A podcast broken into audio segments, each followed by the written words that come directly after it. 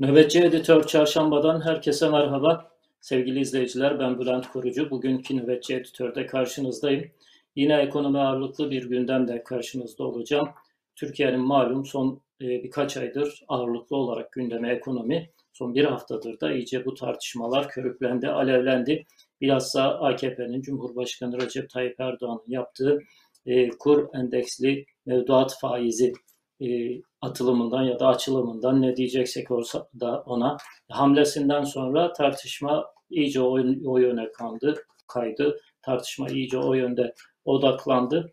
E, bugün muhalefet partilerinin grup toplantıları vardı. Dün CHP'nin vardı. Bugün diğer e, muhalefet partilerinin grup toplantısı ya da grup toplantısı yapamayanların da Deva Partisi gibi, Gelecek Partisi ya da Saadet Partisi gibi onların da basın açıklamaları vardı. Basın toplantıları vardı hemen hepsinin gündemi e, Recep Tayyip Erdoğan'ın attığı o e, hazine garantili faiz, yeni faiz türünün daha doğrusu 70'li yıllarda denenmiş ama başarısız olmuş faiz türünün tekrar kurtarıcı olarak gündeme getirilmesiydi.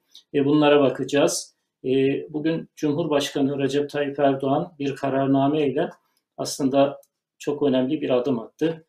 Daha doğrusu insanlar hep merak ediyordu bu e, garantinin yani hazinenin Merkez Bankası'nın bu döviz endeksli mevduatlara vereceği parayı nereden bulacak sorusu soruluyordu.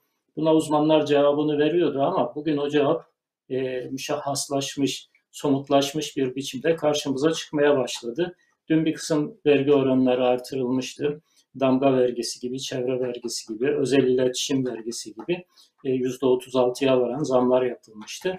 Bugün daha önemli bir adım daha attı er, e, Erdoğan bir kararnameyle e, şeydeki benzindeki akaryakıttaki daha doğrusu bütün akaryakıt türlerindeki e, ÖTV'yi özel tüketim vergisini tekrar geri getirdi. Yani döviz düştüğünde akaryakıt düşecek. Bu da zincirleme olarak bütün ürünlere yansıyacak diye bir beklenti vardı. O beklentinin boşa bir beklenti olduğunu, dövizdeki o düşüşün o döviz mevduatlarına, döviz endeksli mevduatların e, finansmanında kullanılacağı yani zenginlerin mevduatını korumak için yine fakirler fakirlerin üstüne e, yeniden vergi yükü bindi. Bunun açıklaması bu. Cumhurbaşkanlığının e, yayınladığı resmi gazetede yayınlanan e, şeye bir bakalım isterseniz arkadaşlar yansıtsınlar. Orada önemli iki cümle var. Bir tanesi diyor ki dövizdeki e, düşüş nispetinde ve ikinci ifadede şu petrol fiyatlarındaki uluslararası piyasadaki petrol fiyatlarındaki düşüş e, miktarınca e, ÖTV uygulanacaktır. Yani kısacası şu döviz düştüğünde bizim vergimiz yükselecek. Uluslararası piyasadaki fiyatlar, petrol fiyatları düştüğünde gene bizim vergimiz yükselecek. Yani e, Türk halkının, Türk e, tüketicisinin bu dövizin düşüşünden hatta petrol fiyatları bile uluslararası piyasada düşse e, bunlardan hiçbir karı olmayacak, hiçbir getirisi olmayacak. E, bunu tabii iki şey için yapacak Erdoğan. Birincisi e, ÖTV doğrudan tahsil edilebilen bir vergi. Hem iletişim vergisi hem de özel tüketim vergisi. E, normal gelirlerden alınan vergileri tahsil etmekte zorlanıyorlar. Hele hele yandaşlardan bu vergileri tahsil etmekten hem zorlanıyorlar hem de çok istekli davranmıyorlar. İkide bir Mehmet Cengiz ve benzeri beşli çetenin vergi borçlarının affedildiğini görüyoruz zaten. Hani onların vergilerini almak gibi bir derdi de yok Erdoğan rejiminin. Ee, onun dışındaki e, gelir vergilerini ya da kurum vergilerini e, tahsilde de zorlanıyorlar. Bunlar doğrudan vergi olduğu için tahsilatı da çok kolay. Direkt benzin aldığınızda zaten vergiyi ödemiş oluyorsunuz. Direkt telefon aldığınızda ya da telefonla konuştuğunuzda bu vergiyi ödüyorsunuz. Vergiyi ödemezseniz ya zaten e, benzin alamıyorsunuz ya da işte akaryakıt alamıyorsunuz ya da telefonunuz kesiliyor. Doğrudan vergi olduğu için çok getirisi yüksek şeyler bunlar, e, vergiler. E, Erdoğan'ın bir amacı devletteki bu seçime giderken kamu harcamalarını finanse edebileceği vergileri biraz daha yükseltmiş olacak. İkincisi de verdiği hazine garantisini, bu e, yüksek meblağlı e, mevduatlara verdiği hazine garantisini e, vergilerden çıkaracak, vatandaştan çıkaracak. Bunu dediğim gibi zaten e, söylüyordu muhalefet. Şimdi bunu Erdoğan somutlaştırmış oldu. Şayet bu ÖTV gelmeseydi e, ne olacaktı? Şu olacaktı. Benzin 2,53 lira yaklaşık düşecekti. E, motorun 2,05 lira düşecekti. LPG'de yaklaşık 1 lira düşecekti. E, vatandaşın cebine bunlar kademeli olarak en azından e, iade edilecek, geri dönecek paralardı. Ama ÖTV ile birlikte bu kadar miktarda ÖTV tekrar geri getirildiği için e, dövizdeki düşüşten hatta petrol fiyatlarındaki düşüşten bile vatandaşa bir faydası olmayacak. E, benzin ya da akaryakıt dediğimiz şey sadece akaryakıt demek değil biliyorsunuz. Yani tarlada çiftçi e, mazot kullandığında e, bu size doğrudan domatesinize, patatesinize, soğanınıza e, zam olarak yansıyor. Motorinin fiyatı düştüğünde ya da yükseldiğinde motorine vergi konduğunda aslında sizin patatesinize vergi konmuş oluyor. Sizin domatesinize vergi konmuş oluyor. Buğdayınıza, ekmeğinizi yaptığınız buğdayınıza vergi konmuş oluyor. Sadece tarladaki çiftçi mi mazot kullanıyor ya da benzini akaryakıt kullanıyor? Hayır. O çiftçi malını e, kamyona yükleyip İstanbul'a gönderdiğinde ya da Erzurum'a gönderdiğinde ya da İzmir'e gönder, gönderdiğinde o kamyonda mazot kullanıyor. O kamyonda e, akaryakıt kullanıyor.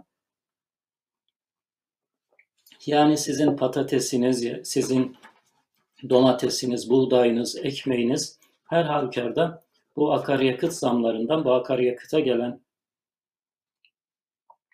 vergi zamlarında doğrudan etkilenecek. Onun için hani akaryakıtın vergisi artmış, akaryakıta yeniden ÖTV geri gelmiş. Bunu e, dövizdeki artışla birlikte sıfırlamışlardı. Affedersiniz. Şimdi tekrar bu ÖTV'yi geri almış oldular. E, bu bugünkü yani, e, muhalefet partilerinin gündeminde de vardı. İsterseniz Meral Akşener'le başlayalım. E, Meral Akşener dış güçlere ne oldu diye Ozan Arif'in de bir şiirini okuyarak Erdoğan'a ağır eleştirilerde bulundu. Önce onu bir izleyelim sonra onun üzerine kısa değerlendirmelerde bulunacağız. Liyakati almayarak hiç kale, akrabaya tanıdığa ihale, Cenab-ı Hak koyunca da bu hale, ondan sonra vay efendim dış güçler. Fırsat deyip dört tarafa dal götür, kitabına uydur uydur mal götür. Yol yaparken yolsuzluk yap çal götür, ondan sonra vay efendim dış güçler. Etrafınız hep yiyici tip dolu. Atlarında dört çekerli jip dolu. Hepsinde cukka sağlam, cep dolu. Ondan sonra vay efendim dış güçler. O kadar bilgili, tecrübeli insan varken damadını Hazine ve Maliye Bakanlığı'na dış güçler mi getirdi? İki sene üç defa Merkez Bankası Başkanı'nı dış güçler mi değiştirdi? Merkez Bankası'nda 128 milyar doları sana dış güçler mi sattırdı? Piyasaları şoka sokan, Keynes'i mezarında ters döndüren, faiz sebep enflasyon neticedir tezini dış güçler mi yazdı? Türk çiftçisini dış güçler mi borca soktu? Kamu bankalarından milyar dolarlık ballı kredileri yandaşlarına dış güçler mi verdi? Devleti dolandıran düzenbaza yılın ihracatçı ödülünü dış güçler mi verdi? Değerli milletvekilleri, hiçbir hesabı tutmayan büyük ekonomistimiz son olarak akıl dolu bir hamleyle dolara çevrilebilir mevduat kavramını 50 yıl sonra tekrar hayatımıza soktu. Büyük Türkiye, büyük güç, hedef 1973. Nas var diye diye gezdi. Pazartesi akşamı çıktı, hayatımıza yepyeni bir faiz tipini sokuverdi. Türk, Türk lirası mevduatına, mevduata dönenlere kur farkını devlet olarak ödeyeceklerini açıkladı. Yani gitti Türk lirasını dolara bağladı. Benim itibarım yok. Amerika'yı kendime kefil tutuyorum dedi. Çocuk mu kandırıyorsun Sayın Erdoğan? Madem kur farkını yani gizli faizi ödeyecektin, bugüne kadar faizle bu kadar oynayıp döviz lobilerinin ekmeğine niye yağ sürdün? Madem adına faiz demeden faiz ödeyecektin, sanayicimizden esnafımıza, çiftçimizden emekçilerimize bu çileyi neden yaşattın? Adını faiz koysan bankalar piyasa şartlarına göre davranacak, yükü de omuzlayacaklardı. Ama şimdi kur farkını ödeyeceğim diyerek hem faiz hem de döviz lobisini milletin hazinesinden besleyeceksin. Türkiye ekonomisi deneme tahtası mı? Türk milleti kobay mı? Böyle iktidardakilere bir çağrıda bulunmak istiyorum. İki gündür saray medyasında davul zurna eşliğinde kutlama yapmayı biliyorsunuz. Madem kur düştü, madem artık uçuyoruz, o zaman hemen doğal gaz ve elektrik fiyatlarını derhal düşürün. Madem bu büyük bir ekonomik başarı, o zaman bu başarının nimetlerinden şu zor kış şartlarında milletimiz de yararlansın. Evet, Meral Akşener indirim beklerken tabii ki o daha çok hane halkının kullandığı elektrik ve doğalgazı gündeme getirdi. Ama e, Erdoğan diğer bir enerji türüne e, akaryakıta ÖTV ile zam yaptı. Henüz e, doğalgazda ve elektrikte bir indirim söz konusu değil. Halbuki döviz düşünce normal şartlarda hani döviz yükselince onların e, fiyatı artıyorsa, onlar zamlanıyorsa madem büyük bir başarı var ve döviz de düştü o halde bunların fiyatlarının da düşmesi gerekmez mi? Zaten ekonomideki sağlıksızlığın göstergesi bunlar sevgili izleyiciler. Yani e, biraz sonra Ali Babacan'ın konuşmasında da göreceğiz. Çok kısa süre içerisinde e, Türk lirası dövize karşı, dolara karşı %50 değer kaybetti. Sonra bir gecede neredeyse bunun %30'unu, %25'ini geri aldı, geri kazandı. Yani e, Temel Karamollaoğlu, Saadet Partisi lideri de buna dikkat çekiyor konuşmasında. Yani bu kadar büyük yükselişler de bu kadar ani düşüşler de aslında o ekonomideki sağlıksızlığa işaret eder. Yani tansiyonunuzu düşünün. Ekonomide bu tür göstergeler tansiyon gibidir. Yani çok yükseldiğinde de sorundur, bir anda düştüğünde de sorundur. Her ikisi de sağlığınızın yerinde olmadığını gösteriyor. Bugün Türk ekonomisinin sağlığının yerinde olmadığını gösteren başka bir gösterge, başka bir gelişme daha yaşandı. Borsa yine %5 değer kaybetti ve son birkaç e, gündür, yaklaşık 10 gün içerisinde borsada bir uygulama var. Devre kesici devreye alınıyor. Yani işlemler bir anda durduruluyor. Çünkü kayıp o kadar fazla ki daha fazla kayıp yaşanmaması için işlemlere bir miktar ara veriliyor. Devre kesici e, işletilmeye başlanıyor. Devre kesici devreye alınmış oluyor bir anlamda. Eğer borsa yani ekonomi bu kadar toparlandıysa, ekonomi bu kadar büyük bir hamle yaptıysa borsanın bir günde yüzde beş değer kaybetmesi ve kaybı da küçültebilmek için, kaybı e, durdurabilmek için borsa idaresinin devre kesiciyi işleme alması ve işlemlere bir miktar ara vermesi, paniği önlemeye çalışması bu vesileyle e, sağlıksızlığın nişanesi, sağlıksızlığın işareti. Yani ekonomi dediğimiz vücudun e, her bir organından farklı bir alarm geliyor. Farklı bir alarm kendisini hissettiriyor. Ben sağlıklı değilim diyor. Borsa ben sağlıklı değilim diyor. Döviz ben sağlıklı değilim diyor. E zaten fiyatlar ortada, enflasyon ortada. E, buna rağmen AKP'liler ve e, AKP'nin beslediği yandaş medya, besleme medya e, dövizdeki bu nispi düşüş elbette ki bu düşüş de iyidir, doğrudur. Yani e, vatandaşın lehinedir ama sağlıklı bir gelişme midir? Öyle olmadığını Ali Babacan e, kısa ve anlaşılır bir şekilde anlatıyor. Ali Babacan'ı dinleyelim sonra bültenimize devam edelim. Sayın Erdoğan aslında bir faiz artırım kararı almıştır. Ve aldığı artırım kararının herhangi bir limiti de yoktur. Döviz ne kadar artarsa o kadar vereceğim diyor. Niye? Çünkü Türk lirası faizine siz o kur farkını eklerseniz nihayetinde ödeyeceğiniz faiz bunların toplamından oluşur. Diyor ki banka mevduatının faizi 20 mi diyor. Kur eğer 40 artarsa diyor ben sana 40 faiz vereceğim diyor. Kur yüzde 50 artarsa 50 faiz vereceğim diyor. Bunun adı da kendi tabirleriyle tam da faiz lobisine çalışmaktır Bunun adı kendi tabirleriyle dış güçlerin maşası olmaktır. Başka bir şey değil. Şu düştü dedikleri döviz kuru. Bu 14'e 13'e düşünce biliyorsunuz yandaş medya o, bayram yapıyor. İşte diyorlar. Erdoğan bir konuştu kur düştü. Ya düştü dediğiniz kur hala 13-14'lerde geziyor. Daha Eylül ayın başında dolar kuru 8 lira 30 kuruştu. İlk 8 lira 30 kuruştan bu 13-14'e artış demek ne demek? Yüzde 50 artış demek, yüzde 60 artış demek. Ne diyor? Kurdaki yükselişten kaynaklanan kaygılarını gidermek isteyen vatandaşlarımız için güzellikler yapacağız diyor değil mi? Ya bu ülkede kurdaki yükselişten kaygılanan sadece mevduat sahibi mi? Kur yükselince A'dan Z'ye her şeye zam geldiğini, iğneden ipliğe her şeyin fiyatının arttığını bilmiyor musunuz? Kaygınız sadece bankada parası olanın kaygısı mı? Asgari ücretliye gelince dolarla mı çalıştırıyorsunuz bu insanları diyor. Varlıklı insanların parası söz konusu olduğunda da mevduatı dolara, euroya, sterline bağlayacağız diyor. Yaptığı bu. Ya inanın bunlar artık siyasi açıdan da ne yaptığını bilmiyor. Ya siz iktidara geldiyseniz öncelikle bu ülkedeki asgari ücretlinin, emeklinin, sabit gelirlerinin, dar gelirlinin desteğiyle iktidara geldiniz ya. Bankada yüksek mevduat olan insanların desteği size iktidara getirmeye yetmezdi. Asgari ücretlere gelince doları karıştırma diyor. Bankada milyonluk Türk lirası mevduatına gelince tamam ben sana dolara göre faiz vereceğim diyor.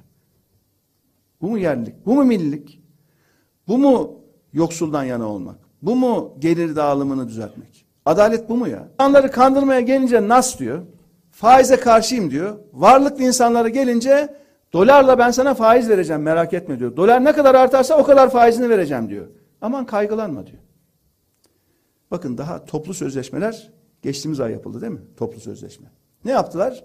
Memurların, kamu çalışanlarının maaşlarını TÜİK'in o makyajlanmış Türk lirası enflasyona bağladılar. Emeklerimizin maaş artışları zaten o TÜİK'in makyajlı düşük gösterilen yüzde 21 falan dedikleri enflasyona bağlı. Geçen hafta asgari ücret belirlerken de ne dediler? Ya dolara hiç bakılır mı dediler.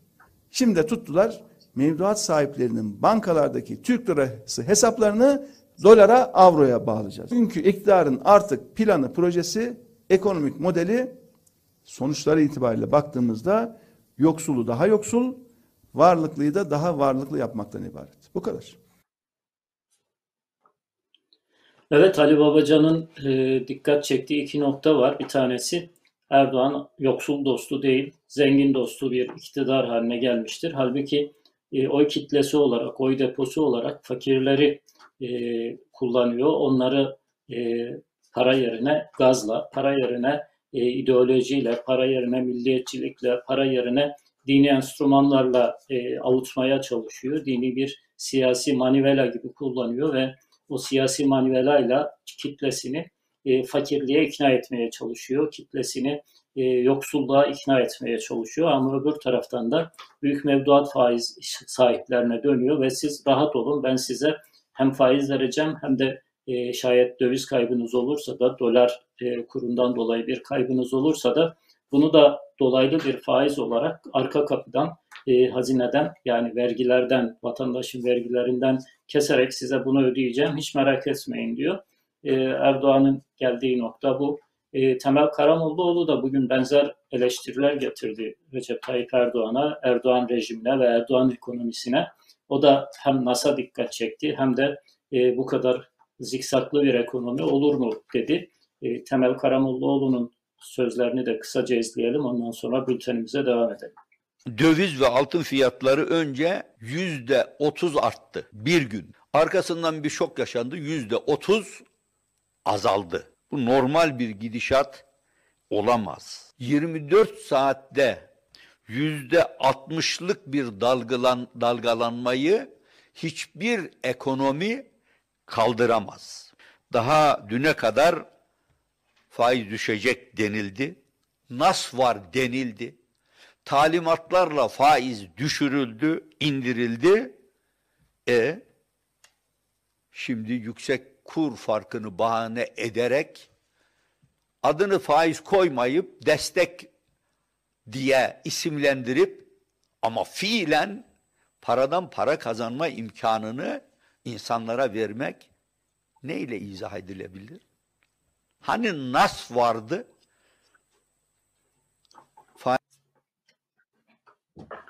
Evet Erdoğan yerine göre nasıl kullanıyor, yerine göre e, NAS'tan vazgeçiyor. E, yakın zamanda belli e, bir tartışma yaşandı. E, bu tartışmanın başlangıç noktası da başlangıç noktası da Temel Karamollaoğlu'nun e, Selefi diyebileceğimiz Recai Kutan da 2006 yılında Müsiyat Genel Kurulu'nda 13. Genel Kurulu'nda Erdoğan'ın yaşadıkları bir tartışmaydı. Erdoğan o tartışma sırasında kendisini faizci olmakla suçlayan 75 milyar e, TL faiz ödemekle suçlayan e, dönemin e, genel başkanı Recai Kutan'a dünya öyle bildiğiniz gibi değil, faiz dünyanın bir gerçeği, e, biz iş başına geldiğimizde faizi kaldıracağız diye söyleyenler vardı. Belki biz de buna inanarak yürüyorduk ama e, dünya öyle değil. Tabir yerindeyse kazın ayağı öyle değil diye Recai Kutan'la bir tartışma yaşanmıştı. Hem de müsiyatın yani TÜSİAD'a karşı kurulan Müslüman, müstakil diyorlar ama Müslüman iş adamları diye kendilerini tanıtan kişilerin genel kurulunda böyle bir çıkış yapmıştı. Erdoğan yerine göre e, faizci yerine göre nasçı olarak hayatını e, sürdürüyor. E, sevgili izleyiciler, e, dünkü önemli tartışmalardan daha doğrusu sosyal medyanın gündemlerinden bir tanesi de Yeni Hazine Bakanı, Yeni Hazine ve Maliye Bakanı Nurettin Nebati'nin gözleriydi. Nurettin Nebati bir aktör değil, bir aktivist değil, yani bir tiyatro oyuncusu değil. Neden gözleri tartışılıyor? Nurettin Nebati bu tartışmaya yol açtı. Bir e, televizyon programına çıktı. Ekonomi projesini anlatacak, ekonominin gerçeklerini anlatacak. Ekonomi dediğinizde de rakamlar konuşur, rakamlar konuşulur. E, spiker ısrarla rakam sordukça Nurettin Nebati minder dışına kaçtı ve nihai noktada da verebildiği son cevap şu oldu. Gözlerimin içine bakın. Ekonomi dediğiniz biraz gözlerin içindeki ışıltıdır, parıltıdır dedi.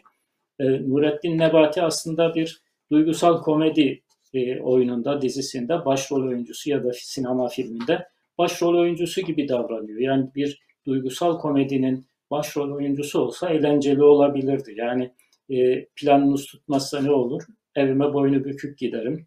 E, çok üzülürüm diyor. İşte ekonomik veriler, ekonomi e, hangi aşamaya gelecek? Bu hamleden sonra, bu adımınızdan sonra ekonomide ne tür şeyler bekliyorsunuz? sorusuna cevap olarak da gözlerimin içine bakın ne görüyorsunuz? E, ekonomi dediğiniz biraz gözlerdeki ışıltıdır diye cevap veriyor. E, ben şeyin ekonomi bakanının gözlerindeki ışıltıyı bilmiyorum, göremedim. Belki yüz yüze olsak görebilirdik ama e, fakirlerin gözlerindeki öfkeyi, fakirlerin gözlerindeki ateşi görüyorum. Evine ekmek götürmekte zorlanan insanların e, gözlerindeki e, öfke gittikçe büyüyor. Bu son hamleyle birlikte yani dövizin e, farklı bir şeyle, hamleyle, farklı bir adımla göreceli olarak düşürülmesinden kaynaklanan bir bahar havası oluşturuldu. Bunu da yandaş medyayla müthiş pompaladılar. Ama vatandaş gidip benzin alacak ve benzinin fiyatının düşmediğini görecek. Vatandaş gidip marketten yağ alacak, yağ fiyatının da düşmediğini görecek. O zaman e, ne anladık biz bu işten diyecek. Yani biz bu haltı niye işledik ya da devlet bu haltı niye işledi o zaman? Hani o aile e, hizmetçisinin şeyi var ya e, hikayesi var ya günün sonunda vatandaş benzini aynı fiyattan almaya devam edecekse evini aynı fiyattan doğalgazla ısıtmaya çalışacaksa peyniri, zeytinyağını, patatesi, ekmeği aynı fiyattan alacaksa e, ne anladık biz bu dövizin düşüşünden diyecek nihayetinde vatandaş. Şimdi belki uzmanların söylediği şeyleri anlamakta, anlamlandırmakta zorlanıyor olabilirler. Belki düşünmek de istemiyorlardır. Ama bu dövizdeki düşüş somut bir biçimde hayatlarına yansımadıkta, yansımadığında e, vatandaşın gözlerine e, Maliye Bakanı, Hazine Bakanı o gözlerin içine bakabilecek mi bilmiyorum. E, AKP'liler, AKP gençlik kolları şöyle demişti. Biz tebdili kıyafetle çarşı pazar dolaşıyoruz. normal şartlarda tebdili, tebdili kıyafet yani kıyafet değiştirerek farklı kıyafetlerle e, dolaşmasına gerek yoktur. Normal kıyafetlerle insan içine çıkabiliyorlarsa yani AKP'li olarak insan içine çıkamadıkları için e, farklı kıyafetlerle insan içine çıkıyorlar. E, çarşı pazar dolaşıyorlar. E, Hazine Bakanı Nurettin Nebati'nin de e, insanların, fakirlerin gözünün içine bakıp onların gözünün içindeki e, beklenti, şu anda bir beklenti ama bir adım sonra bu bir öfkeye dönüşecek tekrar. O gözün içine bakmaya cesaret edecek mi?